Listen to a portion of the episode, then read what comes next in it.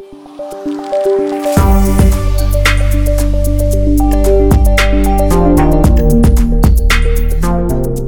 ska ha klart för sig att det finns väldigt många definitioner där ute, väldigt många olika förståelser, väldigt många olika perspektiv på vad, vad gråzon egentligen innebär. Ett annat återkommande tema är att gråzonen har att göra med just osäkerhet. En osäkerhet om till exempel om störningar som inträffar i samhället är resultatet av antagonistiska handlingar eller olyckor. Välkomna till Rapporterat, en podcast om forskning för en säkrare värld från FOI, Totalförsvarets forskningsinstitut. Jag som leder den här podcasten heter Madeleine Westerlund och arbetar som kommunikatör på myndigheten. I dagens avsnitt ska vi prata om hur vi tolkar och förstår hotbilden i gråzon. Och med oss för att prata om det här så har vi FOIs forskare Daniel Jonsson och Kristoffer Wederbrand. Välkomna till Rapporterat. Tack så mycket. Tack så mycket. Ni båda har forskat i ett projekt som är finansierat av MSB och som heter 3F för civilt försvar i gråzon. Kan ni inte presentera er lite kort och berätta om era roller i det här projektet? Mm. Eh, Daniel Jonsson som sagt eh, och jag är projektledare för projektet. Och eh, 3F eh, står då för FN försvarsvilja, försörjningsförmåga och förståelse av hotbild. Och Kristoffer Wederbrand. Jag arbetar som analytiker vid FOI och är med på ett hörn i det här projektet. Jag har, förutom att jag bidragit till den här rapporten, eh, Civilt försvar i gråzon, så har jag också varit med att ta fram en, en enkät riktad till allmänheten. Där vi ställer frågor om totalförsvaret. Så det är väl min roll i projektet. Mm. Intressant. Jag tänker att vi ska börja lite basic för det här är vårt första avsnitt av, om gråzon och det kommer säkerligen bli flera.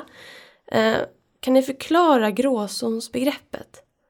Eh, nej, höll jag på att säga.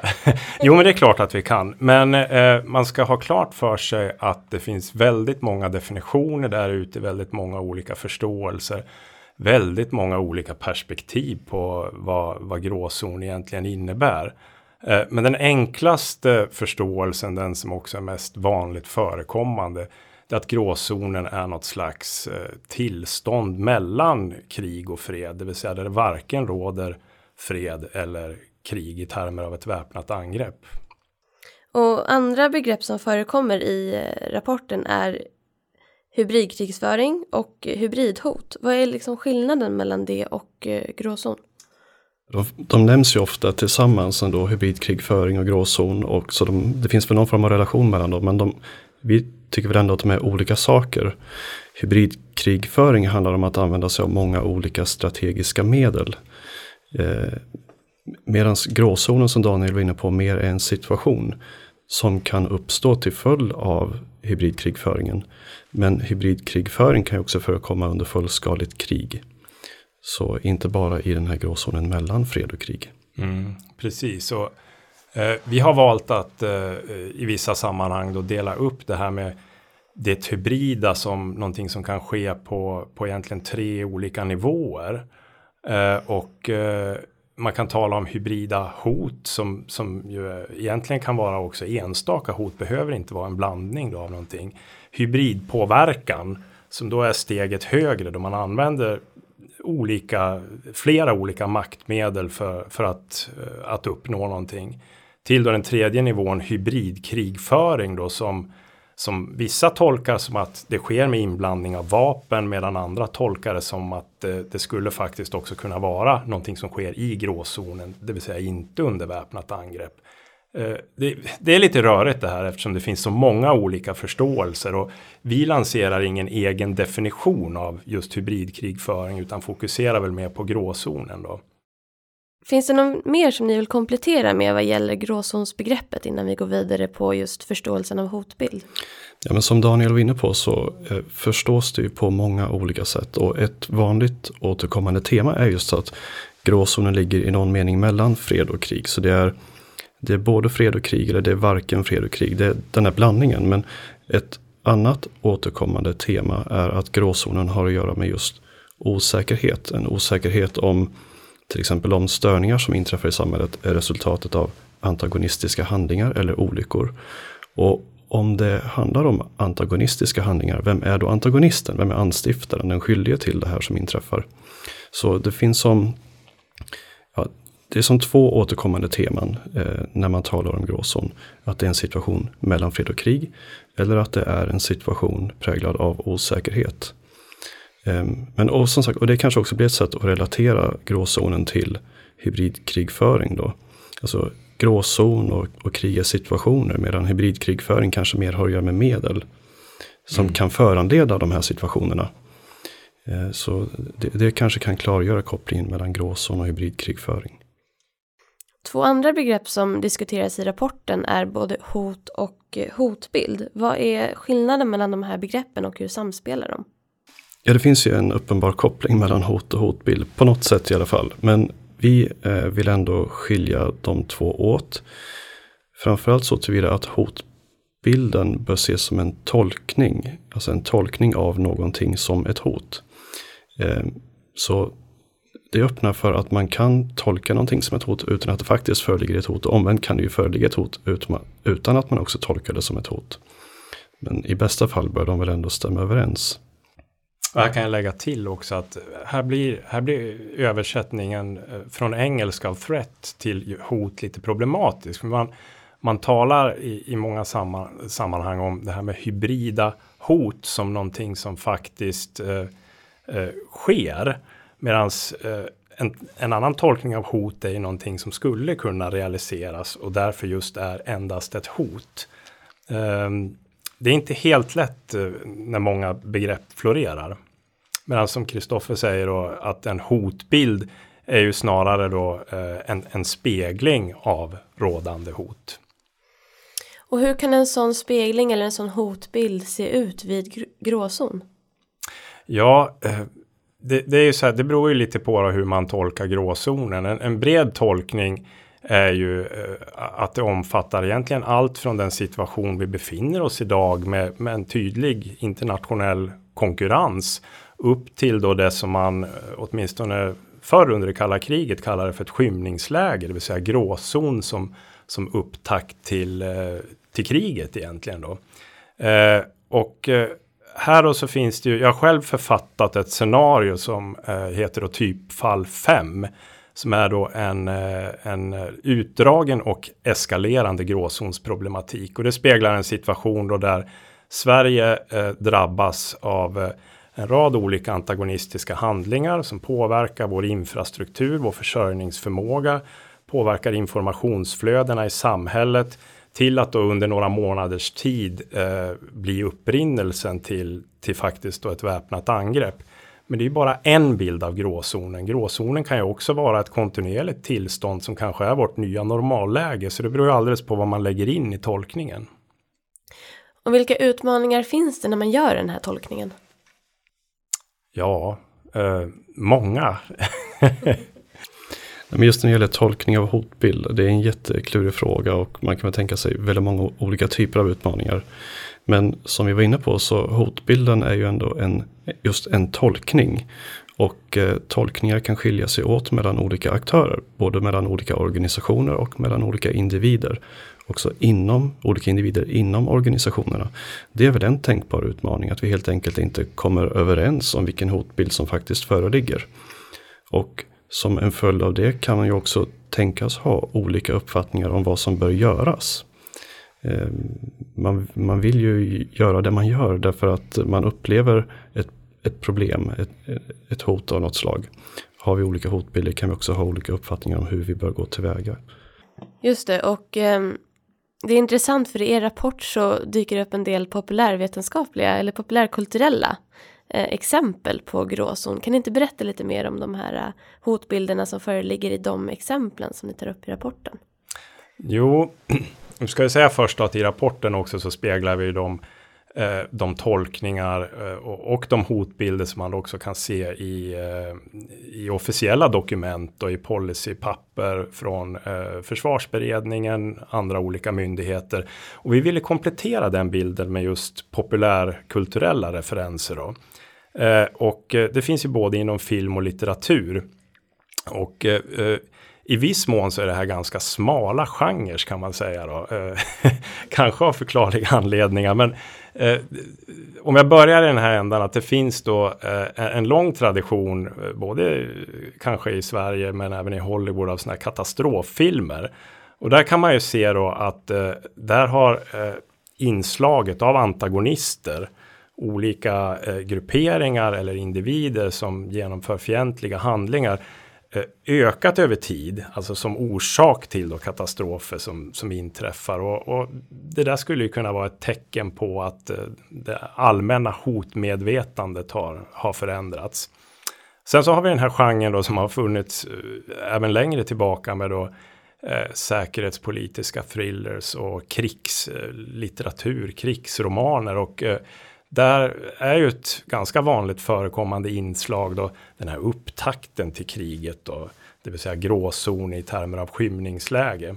Och med tanke på det försämrade säkerhetspolitiska läget så tenderar de här romanerna att öka eh, nu under senare år. Det kan vi se. Har vår förståelse av hot förändrats över tid? Finns det någonting vi kan se där?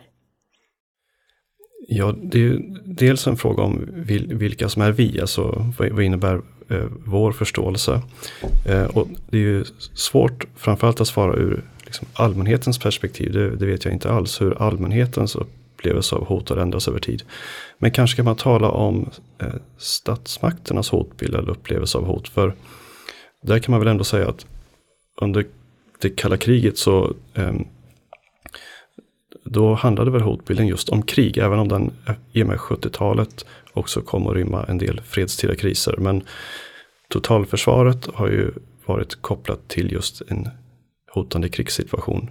Sen efter Berlinmurens fall har fokus snarare legat vid fredstida kriser. Um, hot i fred och idag är det väl just den här blandningen då, gråzonen.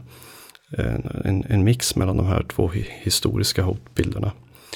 Ehm, så både eh, hotet av krig, hotet i fred och det som ligger däremellan, gråzonen.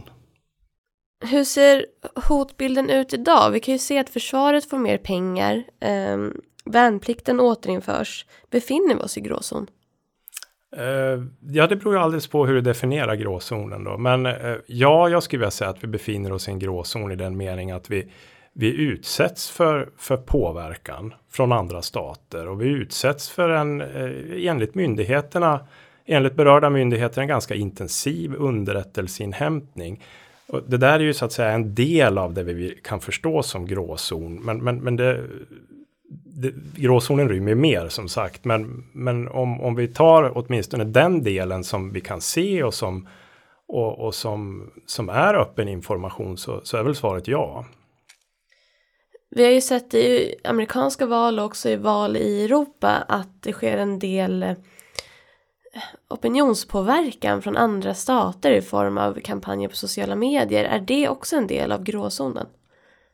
Ja, men det tycker, det tycker jag man kan säga. Eh, man, man, brukar ju, man brukar ju förstå gråzonen som, eller snarare man brukar förstå när en antagonist har en gråzonstrategi så vill man eh, vinna någonting, man gör någonting för att vinna någonting men man vill inte eskalera situationen. Det vill säga man vill inte att motparten då som man gör någonting emot eh, ska, ska svara kraftfullt. Och, och det kan man väl säga att de exempel som vi kan se där ute, till exempel valpåverkan, har ju uppmärksammats i den meningen att man kan konstatera det, men man har ju inte så att säga blivit bestraffade för det på något sätt. Jag tänker att vi ska gå vidare och prata lite om eh, myter kring gråzon. För vi har två exempel på det som jag skulle vilja ta upp i den, det här avsnittet. Eh, och den första är gråzonsproblematiken är något nytt. Vad säger ni om det? Nej, men det tycker jag inte man kan säga egentligen. Eh, alltså olika typer av politisk krigföring, eh, påverkan, ekonomisk krigföring. Det pågick ju även under det kalla kriget. Eh, så i den meningen är det inte något nytt, men det kanske hade andra namn då. Eh, men det som är nytt idag, det är att det har, för, eh, det, det har tillkommit nya medel för att utöva påverkan. Framförallt genom digitaliseringen. Så i den meningen så är ju fenomenet har ju blivit förnyat. kan man väl säga. Ja, men precis för att gråzonsbegreppet, eller att själva ordet är ganska nytt, betyder ju inte att det fenomen som ordet betecknar är någonting särskilt nytt. Så man skulle kunna argumentera för att men det har allt, den här gråzonen som hotbild har alltid förekommit, bara att vi inte har kallat den gråzon. Men samtidigt som Daniel säger att i någon mening har det ändå större aktualitet idag genom teknikutvecklingen och eh, fördjupade eh, internationella beroende mellan länder som gör att man inte vill eskalera situationen och så vidare. Eh, så kan, kanske inte att situationen är någonting nytt, men den, eh, ordet är nytt och eh, situationen är mer aktuell idag.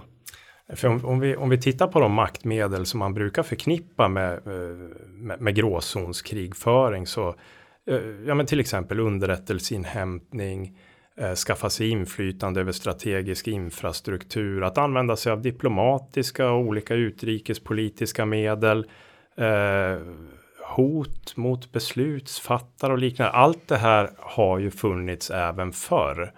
Eh, men, men, men har som sagt kanske fått en större aktualitet idag. Totalförsvarets olika verksamheter måste ha en gemensam hotförståelse i alla frågor. Ja, alltså det där har att göra med ett resonemang vi för i rapporten om eh, eh organisationers försvarsvilja egentligen. Eh, därför att eh, inom krisberedskapen i alla fall så talar man ofta om behovet av en gemensam lägesbild mellan olika organisationer när det inträffar en kris i samhället. Och den här gemensamma eller samlade lägesbilden ses som viktig för att den antas bidra till ökad samordning och inriktning av berörda aktörers åtgärder helt enkelt. Och man kan ju fråga sig om en gemensam hotbild eh, kan tänkas fylla samma funktion inom totalförsvarsplaneringen. Och det är klart att den kan tänkas bidra till just ökad samordning och inriktning. Så att det inte uppstår diskrepans mellan det olika organisationer gör. Men vi tänker också att det finns risker med att försöka tvinga fram gemensamma eller samlade hotbilder. Ehm, och det beror på att organisationer som myndigheter ju verkar inom olika samhällssektorer och mot olika samhällsmål. Och det är sällan som ett visst mål är tydligt överordnat något annat. Dessutom så är målen ofta vagt formulerade som måste tolkas och så. Och det här skapar ett stort handlingsutrymme eller tolkningsutrymme hos myndigheterna. Eh, vilket i sin tur gör att de kan ha olika uppfattningar om vad som är viktigt att uppnå, vilka samhällsmål som är viktigast att uppnå och vilka hot som är viktiga att skydda sig emot. Eh, och det här kan väl å ena sidan tänkas leda till svårigheter att överhuvudtaget uppnå en gemensam hotbild. Organisationerna kan helt enkelt ha för olika uppfattningar om vad som just vad som är viktigt att skydda sig mot och vad som är viktigt att uppnå. Men även om man skulle kunna uppnå en sån gemensam hotbild, kanske genom att den pådyvlas ovanifrån av ett departement eller av regeringen, eh, så riskerar det väl att leda till att hotbilden upplevs som irrelevant av många organisationer. Det stämmer, riskerar att inte stämma överens med vad de själva ser som, som viktigast. Med risken att totalförsvarsplaneringen nedprioriteras till förmån för andra, eh, det annat, andra arbete som de här myndigheterna eh, ska utföra. Då. Mm. Nej, och de, eh, de olika myndigheterna är ju experter på sina olika områden och, och kan ju se då eh, se vilka specifika hot som drabbar deras verksamheter eller deras ansvarsområden. Ett bra exempel tycker jag är då de här eh, FOIs fem olika typfall då som, eh, som är utpekade som, som underlag för planering för det civila försvaret. Som väl framförallt de civila myndigheterna ska förhålla sig till. Men de här är ju ganska allmänt hållna så att de funkar ju egentligen bara som något slags tankeväckande inspirationsunderlag som de ser ut. Men för att bli användbara så måste de förtydligas. Detaljeringsgraden behöver öka för att då specifika myndigheter ska förstå vilka frågor i de här berör oss. Eh, och eh, där har ju myndigheterna själva ett, ett jobb att göra. Eh, och då får man ju otvetydigt, man, man, man, har så att säga samma grundhotbild. Men man får ju olika då mer detaljerade hotbilder att förhålla sig till i exempelvis då skarp planering, beredskapsplanering. Ja, för nu pågår det ju beredskapsövning i, i hela landet och visst är det så att den här övningen eh, till viss del i alla fall eh, baseras på de här typfallen? Ja, nej men det kan man ju säga. Alla fem typfall finns representerade där. Du tänker på totalförsvarsövning 2020 som har tjuvstartat nu 2019 här. Mm. Uh, hur ser det ut med projektet framöver? Är det här ett avslutat projekt eller hur uh, jobbar ni vidare? Nej, vi är ju inne på, uh, på det andra året här nu då. Vi börjar ju i lite omvänd ända kanske att, att framställa den här då portalrapporten som vi kallar det, som egentligen är en slags syntesrapport på det vi hade i våra huvuden från början då. Som behandlar alla de här tre FN, försvarsvilja, försörjningsförmåga och förståelse av hotbild. Men även då utveckla gråzonsbegreppet. Men nu eh, beger vi oss in i, i, lite djupare forskning då. Vi ska skriva vetenskapliga artiklar i respektive F då. Och eh, projektet pågår ju i tre år till. Eh, och ska avslutas då med en, eh, en, en syntesrapport riktad till då beslutsfattare inom totalförsvaret. Just det, och den här rapporten finns att ladda ner på vår hemsida. Mm, den finns på FOIs hemsida. Jag tänker att vi gör så att vi länkar till rapporten på www.foi.se podcast. Är det något mer ni tycker att man kan ta del av på ämnet som, eh, som man kan läsa på om eller? Ja, men jag vill nog göra reklam för vår enkätundersökning då. För tillsammans med Statistiska centralbyrån genomförde vi en, en enkätundersökning riktad till allmänheten när vi ställer frågor om hur, de ser, hur man ser på totalförsvaret och på sin egen roll inom totalförsvaret. Och resultaten av den undersökningen presenterades i en rapport som heter just Allmänheten och totalförsvaret. Den finns också att ladda ner på vår hemsida. Ja, för på tal om försvarsvilja så eh, kommer vi säkert få anledning att göra ett helt avsnitt om det vid ett senare tillfälle. Men är det något resultat i enkäten som du förvånades av som kanske kan bli en teaser till det avsnittet? Eh, jag tror att vi alla i projektet har våra favoriter när det gäller den här undersökningen. Men någonting som fascinerade mig var att eh, väldigt många ändå anser att Sverige bör göra väpnat motstånd om vi skulle utsättas för ett militärt angrepp omkring 80 procent. Samtidigt anser, eller tror ungefär 80 procent att vi inte har någon egentlig beredskap att tala om när det gäller just att möta militära angrepp. Det tycker jag var ett intressant resultat. Ja, verkligen. Och eh, som sagt så blir det ett helt avsnitt på ämnet försvarsvilja vid ett senare tillfälle. Tack för att ni kom till Rapporterat. Tackar. Tack så mycket.